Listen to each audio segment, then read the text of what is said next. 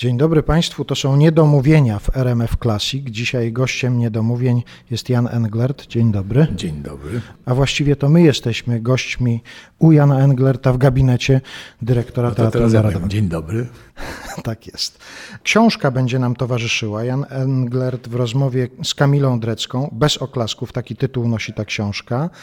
Zacznie się teraz czas podpisywania, wpisywania dedykacji. Ja od dedykacji chciałem zacząć. Chciałem zapytać, czy pan ma w swoich zbiorach jakieś dedykacje, autografy, coś takiego, co szczególnie pana wzrusza, ceni pan? Mam kilka listów, kilka dedykacji, tak intymnych, że. Ale nie chodzi o życie intymne, tylko zwykle jak się komuś coś wpisuje, to jest taki obowiązek mniej więcej jak przy jubileuszach albo przy zmarłych. Rudzki, jak czytał nekrologię i go zapytałem, co go w tych nekrologach fascynuje, powiedział fenomen, że umierają sami nieodżałowani. Więc w dedykacjach jest też coś z tego obowiązku, takiego pocukrzenia tej wypowiedzi. Także one są, no może w jednym czy dwóch wypadkach, tylko dla mnie przeznaczone. Mam listotaksera po roli w czwartej części Dziadów. Mam to, co nawet jest zdjęciem tam, na przykład na zdjęciu Antrzak napisał dedykację. E, Po pierwsze mnie żenuje, jak ktoś mi słodzi, to mnie to żenuje, bo to trzeba się jakoś zachować, ale też co, co też pan mówi, to no, wkładam jakąś tą maskę skromności. A jednocześnie duma i pycha moja powoduje, że gulgoczę jak indoor wewnętrznie, tylko udaje, że nie. Mało kto to zauważył, ale ani 40, ani 50-lecia, ani nawet 55-lecia pracy zawodowej nie obchodziłem, bo nie lubię obowiązkowych jubileuszy. Nie przepadam za stypami, weselami i chrzcinami. W ogóle nie lubię zbiorowych uniesień. Jakoś dziwnie jestem skonstruowany, jak na zawód, który uprawiam, który jest zawodem zespołowym.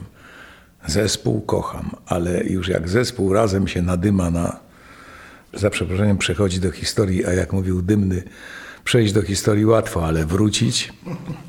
No więc generalnie rzecz biorąc, ja jestem raczej na tym etapie wracania. Jak się wraca, no to się widzi po kolei wszystko, co po drodze, szedł do przodu, nie zauważał, że jednak tutaj jest e, jednak jakiś leży brud po drodze, że, że parę wyrwanych kartek jest z życiorysu i tak dalej. Ale to jest przy powrocie. Ja jeszcze nie wracam, e, jeśli chodzi o wiarę w to, że coś mam do zrobienia. Natomiast no, wracam z takiego apogeum samozadowolenia. Wiem, na czym polega starzenie się. Starzenie się to jest tracenie pewności siebie. I dlatego tak starcy strasznie krzyczą, że mają rację, żeby się nie wydało. Przestrzeń, w której się porusza człowiek, im więcej ma lat i im jest słabszy, ta przestrzeń się coraz bardziej kurczy. Jeśli ktoś strasznie nad tym cierpi, no to drze się, że nieprawda, że odwrotnie, że teraz dopiero się zaczęło. Ja mam pełną świadomość tego, że suma wątpliwości, która towarzyszy moim, mojemu działaniu, mojemu myśleniu, mojemu mówieniu o świecie i o sobie samym w postępie geometrycznym rośnie. Ja mam coraz więcej wątpliwości, czy mam rację. No Pan nawet użył tutaj takiego sformułowania, że w tej chwili nie jestem beserwiserem, bo nie mam pewności siebie. Ale to nabieranie braku pewności siebie, czy tracenie pewności siebie, to jest proces stały i on To jest y, troszeczkę również nie tylko z racji starości, ale również i funkcji, które ja wziąłem na siebie z zarozumialstwa i pychy, czyli te wszystkie rektorowania, dziekanowania, dyrektorowania. Siłą rzeczy człowiek zajmuje stanowisko no, tego przynajmniej pierwszego oficera na statku, albo kapitana nawet, który przygląda się wszystkiemu z góry, ale wiadomo, że jak coś się nie uda, to jego pierwszego powieszą. Więc to poczucie odpowiedzialności za coś, co się tego podjął, a jednocześnie świadomość zawodu, który uprawiam, który jest zawodem stricte zespołowym. Ja już w szkole zawsze mówię, że jak widzisz, że partner źle gra, to znaczy, że ty grasz też źle. Jak on gra świetnie, to znaczy, że ty jesteś świetny. To jest jeden z ostatnich już zawodów, gdzie mamy do czynienia z tym, z tym takim paradoksem, polegającym na tym, że właściwie skoncentrowani jesteśmy, tworzymy, jeśli w ogóle coś tworzymy, na zaimku ja, a jesteśmy całkowicie uzależnieni od y, współtowarzyszących, też grających na zaimku ja. No jest, to jest rodzaj no, no, slalom gigant taki, to jest bezustanny. 58 lat uprawiam ten zawód jako dyplomowany aktor. Bo ja tam jakby od kanału liczył, to pobiłbym tu wszystkich w przedbiegach. Jak tak niektórzy koledzy od pierwszych dziecinnych ról obchodzą jubileusze. Nie, nie obchodzę nawet od dyplomu. Zwłaszcza, że uczestniczyłem w tylu jubileuszach, gdzie mówię genialny, wielki, wspaniały, cudowny i ja, mistrzu i tak odwracałem się, nigdy nie był dobry aktor. No. Więc ponieważ wiem, jak to wygląda od tyłu, Woli się pan zabezpieczyć. a, to ja wolę być, wolę być zabezpieczony, niech mówią, ale bym nie słyszał. Jeszcze wracając do tych listów dedykacji autografów, domyślałem się, że nie namówię pana, żeby pan wyrecytował list od Aksera, Nie. e, bo to może być e, Nie, to jest nie dlatego, że coś intymnego, tylko po prostu to jest taka autoreklama już wtedy. Nie wiem, czy kokietuję, czy tak jest naprawdę, ale ja naprawdę nie znoszę, nie tylko u siebie, u kolegów też, tych autopromocji. To wynika nie ze skromności, odwrotnie, z pychy. Jak żona mnie namawiała na książkę, to jej pokazałem jednego z kolegów w Empiku przecenionego na 2,50. Ja mówię, chcesz mnie zobaczyć przecenionego na 2,50? To jest żart oczywiście, ale on, w tym żarcie trochę prawdy jest. Więcej, teraz się już na samym początku książka się ukazuje i często się ukazuje już ze znaczkiem, że to jest tania książka. Że na samym wstępie. Tak, no więc w mojej zarozumiałości ja chcę być drogi. E, Dlatego mm, już godząc się na tę książkę, od początku wiedziałem, że, że muszę robić wszystko, żeby sobie kolejnego laurki jakieś, czy pomnika nie ustawić. Przecież to jest rzecz jasna, że jak mówimy o sobie publicznie, czy piszemy o sobie, no to kto będzie pisał, jestem kawał łobuza, drania, ukradłem 200 tysięcy złotych i tak. Nikt tego nie napisze. My wszyscy sobie budują jakieś pomniczki. Pomniczki szlachetności, pomniczki geniuszu, altruizmu, dobroci, zrozumienia własnych błędów. No, mitologizujemy, no to jest naturalne i zrozumiałe. No ja zaczynam w ogóle od tego, że chciałbym zburzyć mit pewnego rodzaju, co wymaga wysiłku. Nawet pisząc, przekuwając niektóre anegdoty moje jako zmyślone albo skonfabulowane, no wszyscy konfabulujemy, mamy coś takiego, że, że nawet jak mi się piękna jakaś figura ułoży, opowiem coś niezwykle, to potem jak pójdę do toalety, gdzie mężczyzna jest prawdziwie samotny, to myślę sobie, cholera, aleś naugał. Mam tę kontrolę y, jeszcze, ale y, w jakim stopniu mam, tego nie wiem. Natomiast próbuję mieć, no o tak powiedzmy. Zresztą ostatnio osoba, której dałem książkę do przeczytania, powiedziała, ale to jest książka środowiskowa, dla inteligentów taka. Jako pejoratyw. To jest zarzut, To tak? był zarzut. To był zarzut. Ja powiedziałem, dziękuję ci bardzo. Dziękuję ci bardzo, bo to mnie to rec- satysfakcjonuje. Więcej takich recenzji. Tak, a on to miało być złośliwie. Myślę, że było złośliwie dlatego, że nic o niej nie ma w tej książce.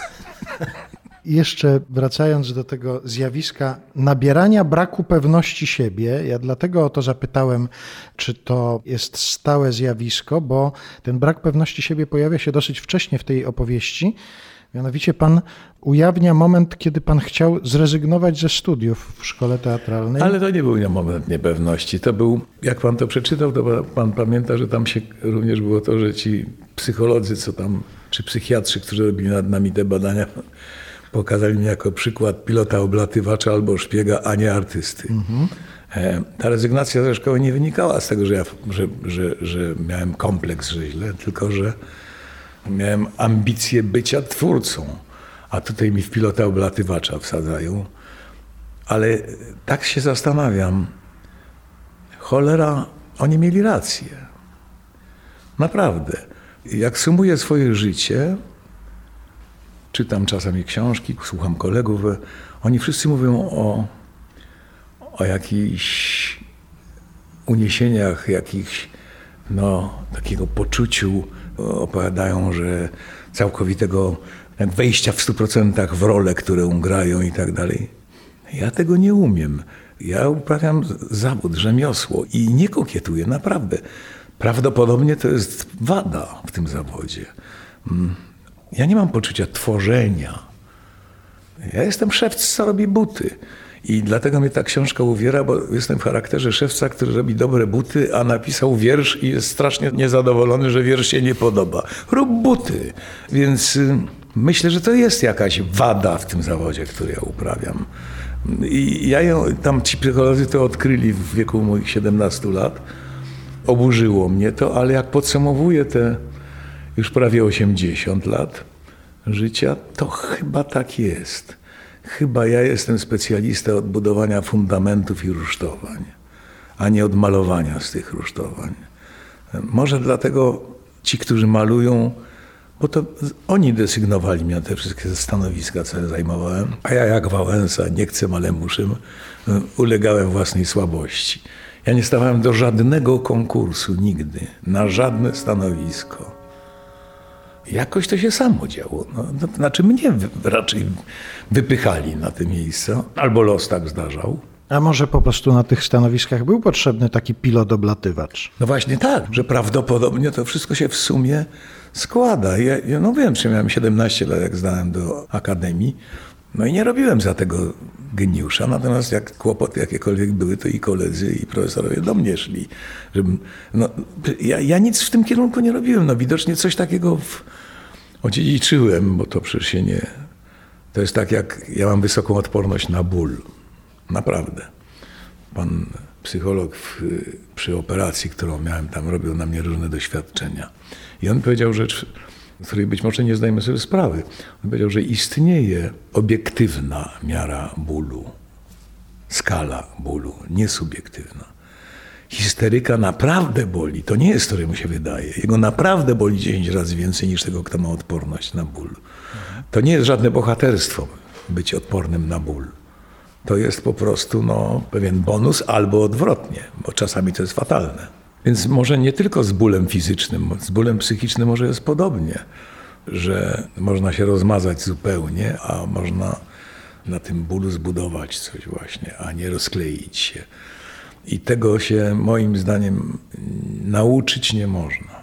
To albo dostaje się to w spadku, albo, albo nie. Pan wymienia tam jeszcze taki moment no może nie wątpliwości, ale jakiegoś emocjonalnego, dużego przeżycia w czasie studiów i zastanawiania się, co ja tutaj robię, kiedy usłyszał pan, jak Mariano Pania recytuje? Liberta.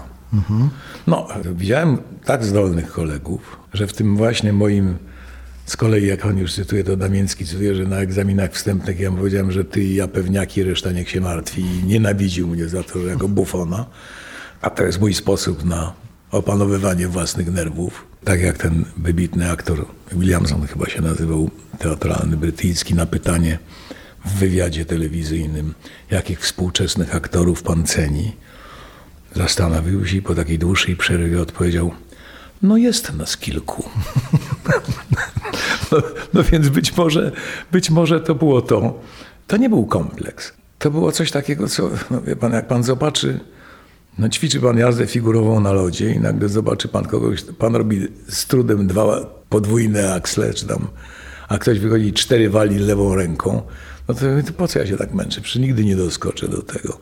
Oczywiście, że jak się ma ambicje, no to wszystko człowiek robi, żeby doskoczyć. Ale dla nastolatka to nie jest takie oczywiste. To już teraz ja jako dziaders mm, mogę takie sądy wydawać jednak w wieku kilkunastu lat się wszystko przyjmuje mocniej i krócej. Ja zanim się położę umierać, to pewnie zanalizuję się na śmierć całkowicie, a nie faj. A młody fajta i koniec, bez, bez żadnych, żadnych myśli na ten temat. No właściwie to to, to co ja mam na ten temat mówić? No tak to jest. To nie jest to, że ja się poddawałem. Jakbym się poddał, akurat ja nie mam kłopotów z poddaniem się. Znaczy w razie czego ja się poddaję, ale tylko werbalnie, a... Zaciskam pięści. A zaciskam pięści i idę do przodu. No, ja nie, nie, nie, nie od początku, jak też z książki wynika, nie od początku mi szło z górki. Rozumiem tych, na przykład tutaj przyjmuję każdego na rozmowie tutaj tyczącej ewentualnej współpracy. Moja sekretarka ma polecenie, że każdy student do trzech lat po studiach, ja go przyjmuję na rozmowę. Po prostu. Chociażby po to, żeby się poznać. Nie mam dla niego oferty żadnej, ale że nie był potraktowany przedmiotowo, bo na początku kariery to jest strasznie ważne. A pana ktoś tak potraktował na początku pana kariery? Hanuszkiewicz mnie powiedział, pan ze szkoły, pan powinien wyjechać na prowincję, aktor musi grać, do widzenia. To była cała rozmowa. Już nie mówię o tych, którzy mnie w ogóle nie przyjęli na rozmowę. No jednak ma człowiek wtedy takie poczucie, to nawet nie przegrane, tylko lekceważenia. Staram się nie lekceważyć, nawet tych, których nie lubię. Staram się, to nie znaczy, że mi się nie zdarzy być Petroniuszem, no takim, co to z pozycji arbitra elegancjarum mówi, że dziecko, masz takie słabe buty. No. no więc mam tego też świadomość, ale przez tyle lat kierowania różnymi zespołami i właściwie wzorując się na akserze, nauczyłem się wchodzić w buty przeciwników. Znaczy nie, nie reagować emocjonalnie. Oczywiście zawsze w pierwszej chwili jest, jak ktoś mnie kopnie w tyłek, to jednak boli, ale nie, od razu nie odpowiadać kopnięciem, tylko jeśli to jest bardzo bolesne i niesłuszne, no to wymyślić taki sposób rewanżu, żeby nie był tak banalny jak oddanie kopa, tylko no, ja ironizuję przeciwników, co wkurza strasznie. To polecam wszystkim politykom, a nie wdawać się w pyskówkę, bo to nie ma sensu. Zwłaszcza jeśli przeciwnik ma karabin maszynowy, a ja scyzoryk. No to jest wtedy już bez sensu zupełnie. A to, że pan w taki sposób traktuje czy swoich studentów, czy w ogóle studentów, czy absolwentów szkoły teatralnej, nie wynika właśnie z tego pana pedagogicznego doświadczenia? Tego... No oczywiście, że tak. Mnie zmieniły jednocześnie w 80 roku trzy zdarzenia. Solidarność, zacząłem uczyć w szkole i spotkałem Dejmka. Całkowicie się zmienił mi priorytety. Jak gdyby chyba wtedy pierwszy raz w życiu przestałem się zajmować tylko sobą. Dlatego o tym do czterdziestki, tym Jasiu pisze on w książce, bo to nie byłem, znaczy byłem ja. Tylko z dzisiejszej perspektywy ja siebie widzę jako w ogóle kogo innego, jak, jakbym opowiadał o kim innym, nie o sobie. Bo on, on jednak funkcjonował w życiu kompletnie inaczej niż ja. Nie wiem, czy nie lepiej. No, no myślę, że gdzie indziej akcenty były położone. Na czym innym zależało jemu niż zależy mnie. Inne rzeczy zachwycały jego niż zachwycają mnie. I nie mam pewności, czy to, co ja w tej chwili robię, jest lepsze. To nie jest to, że ja teraz jestem szlachetny, piękny, cudowny, a on był głupi, mądry. Nie, nie. Ja mam taką teorię, wie pan, nigdzie tego nie przeczytałem, ale mam taką teorię, że każdy z nas w swoim życiu ma mniej więcej kilka lat równowagi, balansu między rozwojem fizycznym i psychicznym. Wtedy nagle się zaczyna wszystko układać. Na to my nie mamy nawet wpływu. To życie nasze ma wpływ i co się dzieje wokół nas. Są genialne dzieci, które potem nic z nich nie wynika. Są genialni starcy dopiero, bo psychika dojrzała do fizyczności albo odwrotnie. I cała tajemnica to jest to, żeby wtedy, kiedy nam zaczyna się wszystko układać, żeby to wyłapać, zanalizować i umieć zatrzymać. Bo to się zaczyna znowu rozjeżdżać potem. A więc y, umieć zobiektywizować siebie samego to strasznie trudne, bo przeważnie obiektywizując znowu budujemy sobie jakieś laurki, albo odwrotnie. W Polsce mamy tendencję do tego, żeby cierpiętnictwo do tego dokładać. Umierać szlachetnie. Piękne, ale nieprawdziwe. Nie ma umierających szlachetnie. W samej śmierci jest coś nieszlachetnego. Także w ogóle co tutaj się będziemy pompowali na piękne umieranie. Jak przychodzą do Pana tutaj do tego gabinetu ci ludzie na taką rozmowę w sprawie współpracy, w sprawie pracy. Zauważa pan, że gabinet dyrektora Teatru Narodowego onieśmiela? No nawet nie gabinet. Ja myślę, że to jest zawsze, no, musi być onieśmielenie. Przepraszam bardzo, ale, ale no, to jest naturalny bieg, układ. Oczywiście coraz mniej. W tej chwili ta hierarchia, układ jest zdemolowany praktycznie. Frajdę nam sprawia demolowanie autorytetów, ja nie chcę wiedzieć brzydkich rzeczy o ludziach, których kochałem i szanowałem. Po co mi ta informacja? Internet natomiast i świat internetu, w którym informuje się o tym, że ktoś ma, zawiązał czerwoną kokardkę psu na szyi i zrobi zdjęcia i, i ma 500 polubień, 1000 followersów. A na czym polegają castingi, to mogę powiedzieć, bo przecież mam teraz córkę, która startuje. Decyduje ilość followersów. To nieważne, czy pan umie, czy nie. Jak pan ma milion followersów, no to gramy w kinie, bo przyjdą na tę osobę. A to pan ma ilu followersów? Ja nie mam w ogóle, bo nie mam nie na żadnym portalu. No to pan nie przejdzie castingu. No ja dlatego nie gram w filmie. A jeśli gram, czasem jest tak, że stawiam zaporową cenę i nagle mi płacą. tę zatworową cenę. A może to, czyli w takiej sytuacji może się brak followersów opłacać? E, to znaczy powiem tak, finansowo to się by może i opłaciło. Natomiast no, jeśli chodzi o ambicje e, twórcze, że tak powiem, to nie jest opłacalne. No, ja uważam się za zdradzonego przez kinematografię, ale w tym pomogłem, bo nie jestem w pełni dyspozycyjny, po pierwsze. W ogóle jak się zostaje dyrektorem teatru, to człowiek przestaje być artystą, jest pracodawcą. Ja mam bardzo często tutaj takie rozmowy z reżyserami. A Radziwiłowicz nie może, już pana nie ma aktora, który może to zagrać, mówią do mnie. Bo ja dla nich nie jestem aktorem. Dla filmowców prawdopodobnie też. Ja jestem pracodawcą. Ale z drugiej strony cytuje pan tutaj takie przykłady, że przychodzą tutaj reżyserzy, którzy próbują wręcz prowokować i proponują panu rolę w spektaklu. U Jarzyny ten spektakl. A, a to co innego. To nie dlatego, to nie. Jarzyna wymyślił coś, ponieważ Teatr Narodowy był jako bastion akademizmu i powstał Teatr Rozmaitości, który był awangardą, wiodącym teatrem. I myśmy się nie znali w ogóle z Jarzyną. I on gdzieś, robiąc ten teoremat, potrzebował takiego właśnie ojca rodziny, który staje przed dylematem nakłowania właśnie własnego balonu, wyczuł to. Przyszedł do mnie i mi zaoferował współpracę. To ja miałem kłopot, czy przyjąć tę współpracę, nie on. To mo moje są tam wahania, czy, czy pójść. Dlatego od początku postawiłem warunki, że się nie rozbiorę do golasa i tak dalej, które były warunkami w gruncie rzeczy śmiesznymi na wstępie. A i tak się okazało na koniec, że ma się pan rozebrać. Rzecz polega na tym, że, ale to minęło, konwencje się zmieniają, już w tej chwili nie, ale na, na przełomie XX i XXI wieku była konwencja polegająca na tym, że widz szedł do teatru, e, żeby być świadkiem psychodramy, znaczy obnażania się swoich słabości aktorzy musieli zapomnieć, że są oglądani i zdobyć się na bezwstyd obnażania. Nie tylko fizycznego, psychicznego również. A ja mam pewien kłopot z taką pełną szczerością, emocjonalną szczególnie. To nie jest dobre w zawodzie, który uprawiam. Natomiast ja w ogóle uważam, że jak mężczyzna jest ranny, to powinien jak jeleń wejść w krzaki i wyjść dopiero wtedy, kiedy rany się zabliźnią a nie chodzić i opowiadać wszystkim, co mi się stało, jaki jestem biedny i że. No, no, no ja wiem, że to jest staroświeckie, bo w tej chwili epatujemy swoimi nieszczęściami, chorobami, nieszczęściami.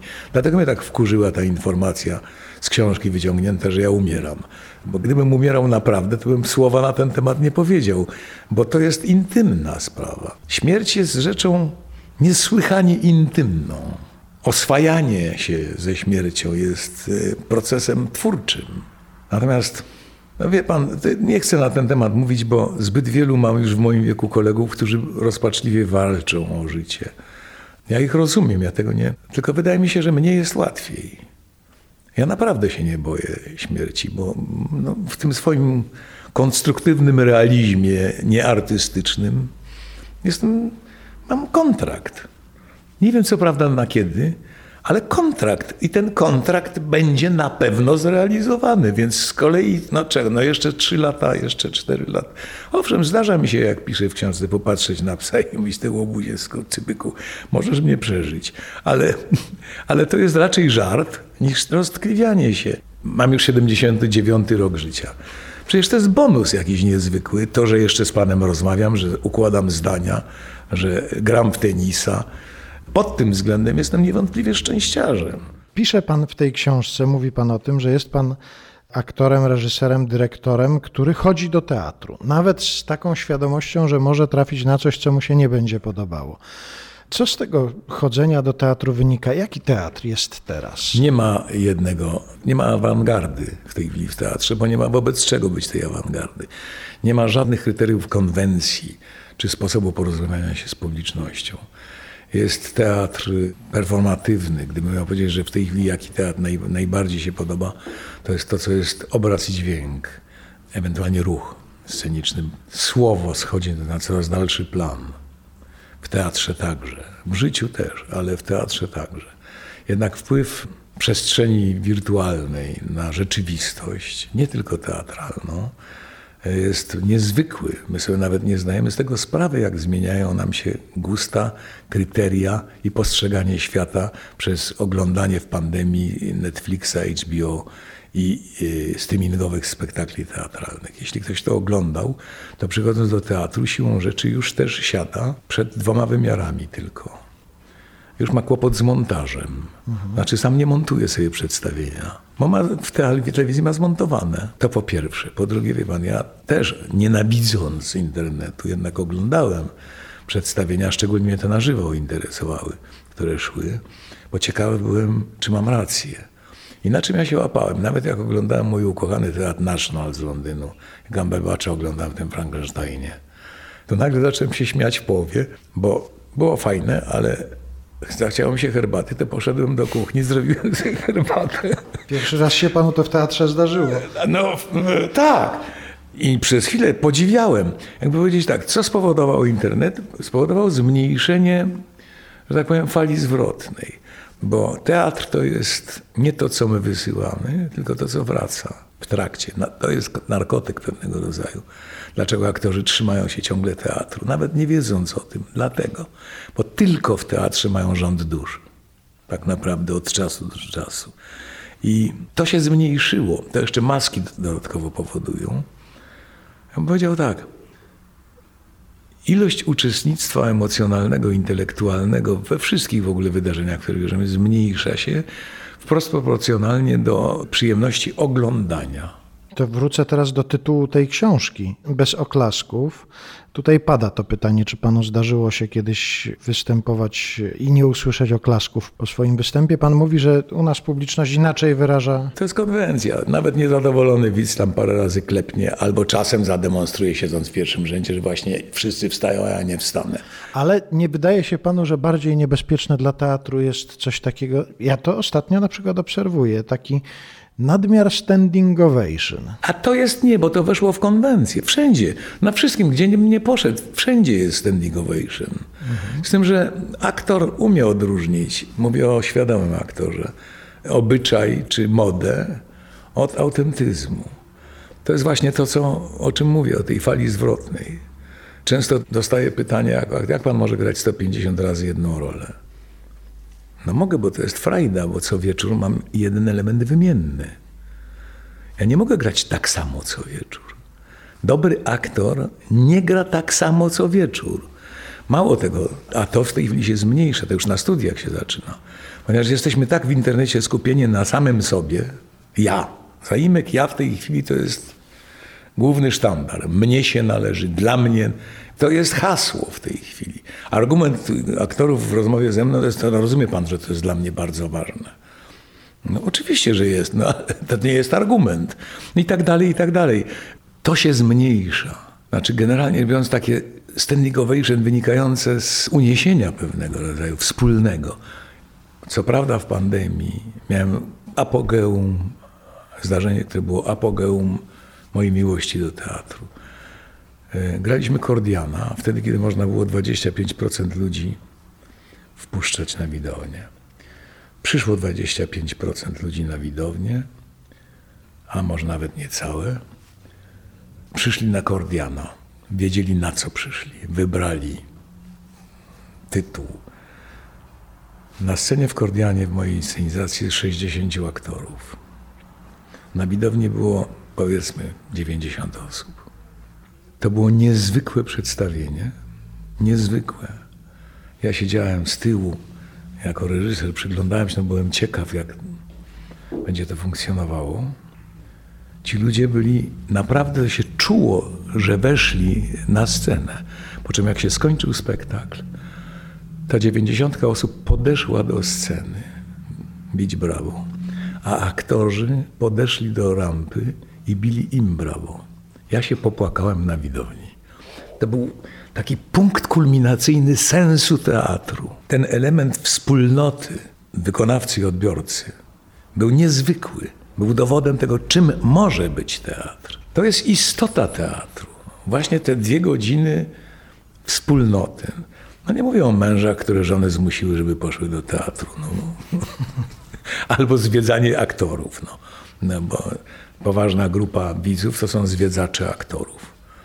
A ten grał w tym, a w tym ten. No, no. Nic z tym złego nie ma, bo większość aktorów, którym nie poszło w teatrze, mówią, że a świetnie w kinie, że teatr już jest demodę, a ci z teatru, który w kinie nie tego, że teatr to jest teatr, film to jest... Nie, nie. Jedno i drugie ma swoje miejsce, tylko jest kompletnie czym innym. Jest innym, jednak innym gatunkiem uprawiania zawodu. Jednak w teatrze aktor jest podmiotem. E, miałem rację, widzi pan? To odezwało się w A, tym od, momencie. od, od razu mam potwierdzenie. A w filmie nie jest przedmiotem, ale jednak w hierarchii jest na którymś miejscu. Reżyser, operator, montażysta, dopiero aktor. Podobno dzieci, niemowlęta do trzeciego miesiąca i zwierzęta widzą naszą aurę. Co to jest ta aura, to ja nie wiem. Ale myślę, że kamera też to widzi. I są ludzie z ciekawą aurą i z nieciekawą, niezależnie od umiejętności. Kamera filmuje tę aurę. Oczywiście to jest takie, to są takie mądrzenia się bez żadnego pokrycia naukowego. Takie, ale coś, intuicja mi to podpowiada, że coś takiego jest. Że to nie tyczy tylko kamery. To tyczy tego, co nazywamy charyzmą na przykład. Bo talent to jest co innego. Ale że ma pan 10 interesujących osób, ale wszyscy nagle zaczynają tylko z jedną rozmawiać. Nie wiadomo dlaczego. Czy wchodzi 10 blondynek, wszystkie piękne i nagle wszyscy patrzymy na jedną. Poza tym, że ładna to ma aurę. I czasem jest tak, że w szkole to bardzo wyraźnie widać, jak się uczy, że są śliczne dziewczyny, które nie mają aury nie mają charyzmy i brzydną, i są brzydkie, które mają i pięknieją wtedy, kiedy wchodzą na scenę. To znowu są takie odkrycia Jasia domokrążcy. No. Ale... No, ale jeżeli on już krąży parę lat i krąży w tych miejscach, w których może takie obserwacje poczynić, to ma prawo do takich odkryć. Prawo każdy ma, tylko znowu widzi pan wątpliwości. Wygłosiłem jakąś tutaj pseudonaukową teorię i ledwo ją skończyłem, mówiliśmy, że co ty się tak co ty, co ty ględzisz, Jasio? A po jaką... Ja się mówię do siebie, jak chcę się ironizować. Nie lubię, jak ktoś do mnie mówi, więc uprzedzam wszystkich. Proszę do mnie nie mówić Jasio. Natomiast sam z sobą tak rozmawiam. No to jest, nie wiem na czym to polega. Że zamiast być szczęśliwym, że mi się ułożyło kilkanaście równo ułożonych zdań, to od razu mam wątpliwość, że znowu napompowałeś jakiś balon, kurczę. I to jest fatalne. Tego bym chciał jeszcze, jeśli zdążę, oduczyć się. Wracamy podczas tego spotkania często do książki, która niedawno miała swoją premierę. Bez oklasków. To jest wywiad rzeka z Janem Englertem. Obok rozmowy, którą prowadzi Kamila Drecka, pojawiają się opowieści z życia J, które pan sam napisał. Czy one powstały już wcześniej, czy pisał je pan specjalnie na potrzeby tej książki? Jeden tekst był napisany wcześniej, w swoim czasie jeszcze Mieczysław Rakowski jako nie premier, tylko redaktor naczelny polityki. Ja przyjechałem do Krzyży i opowiedziałem to zdarzenie. I on powiedział, musisz to spisać, ja to wydrukuję. Ja to wtedy spisałem, ale jak spisałem, to zorientowałem się, że jednak to jest złośliwe wobec kolegów bardzo i nie dałem tego do druku, a teraz już dałem, bo większość z nich nie żyje. To było napisane. Pozostałe rzeczy natomiast to jest coś, co nosiłem w głowie. Ja w ogóle miałem zamiar napisać sam książkę w ramach swojego zarozumialstwa. Miałem taki bardzo ambitny pomysł, który nawet zacząłem realizować, a mianowicie chciałem napisać o moich mistrzach tylko. Jeszcze na dodatek obsadzając ich w rolach szekspirowskich każdemu dać rolę szekspirowską i zanalizować, dlaczego rola mu się nie udała albo dlaczego mu się udała. No, nie mam na tyle talentu. Jedna osoba mi wyszła nie najgorzej, a potem się przewróciłem już na następny i odłożyłem to. Ale to był mój zamiar. Taki, ja bym tam się przemycił. Podprogowo, czy jak to się mówi w tych reklamach, że to był towar, jaki on jest tam? Lokowany. Lokowany. Mhm. Przemyciłbym się jako towar lokowany. No ale to na to by trzeba mieć naprawdę duży talent literacki. No ale skoro na przykład już jest pan w trakcie, jest pan rozpisany jako ten J, który tutaj się pojawia, to może by warto było nie przerywać tego pisania, tylko spisać coś dalej. Może. Może. Muszę na razie przełknąć ten kotlet mielony, który z tego wyszedł, jeśli chodzi o pierwsze reakcje. Bo oczywiście w swoim zarozumialstwie myślałem, że będzie o czym dyskutować, a to okazuje się, że nie ma o czym dyskutować, tylko powyjmować takie rodzynki niegodziwości. Ale to to jest zawsze tak, że każdy sobie. No dobrze, ale ja wiem, że wiem, ale ten, muszę ten kotlet zjeść najpierw. Ale to nie wyklucza dyskusji. Ta dyskusja się zaraz zacznie prawdopodobnie wśród tych, którzy przeczytają tę książkę, bo jestem przekonany, że te wyimki to są właśnie zrobione w taki sposób, że ktoś przejrzał tylko, a nie przeczytał. No, jak większość z nas. Ja sam się przyznaję, że jak mi ktoś przysyła książkę, no to najpierw patrzę w wykazie tych stron, co jest Englert, gdzie jest, na jakich stronach. No przecież przyznaję się do tego bez bicia. No, najpierw zaczynam od tego. Jak mnie to zainteresuje, to może przeczytam resztę. Więc, bo tak naprawdę to w tej książce, poza tam rolami, które pani Drecka analizuje, jeśli chodzi o ostatni czas, ale ja siebie w tej książce traktuję nieprzedmiotowo traktuję do czterdziestki gdzieś. Tak naprawdę. Dlatego ta trzecia osoba, w trzeciej osobie pisane. Po pierwsze dlatego, że na to, żeby napisać coś, stworzyć dramat, film zrobić, jeżeli się coś robi doraźnie, to nigdy nie jest udane. Musi być z lotu ptaka spojrzenie na rzeczywistość, na to, żeby móc stworzyć tę rzeczywistość na rzecz sztuki. Nie chcę przez to powiedzieć, że jestem dziełem sztuki, ale na to, żeby o sobie pisać z ostatnich 20 powiedzmy lat, no tam to można jakieś epizody tylko strzelić, ale ja nie stać mnie jeszcze na obiektywizm. No taki jednak hamulec bezpieczeństwa pewnego rodzaju, który powinien towarzyszyć tego rodzaju wyznaniom. No musi być jakiś moment, w którym zorientuję, że się rozpędziłem za bardzo i ten hamulec trzeba pociągnąć.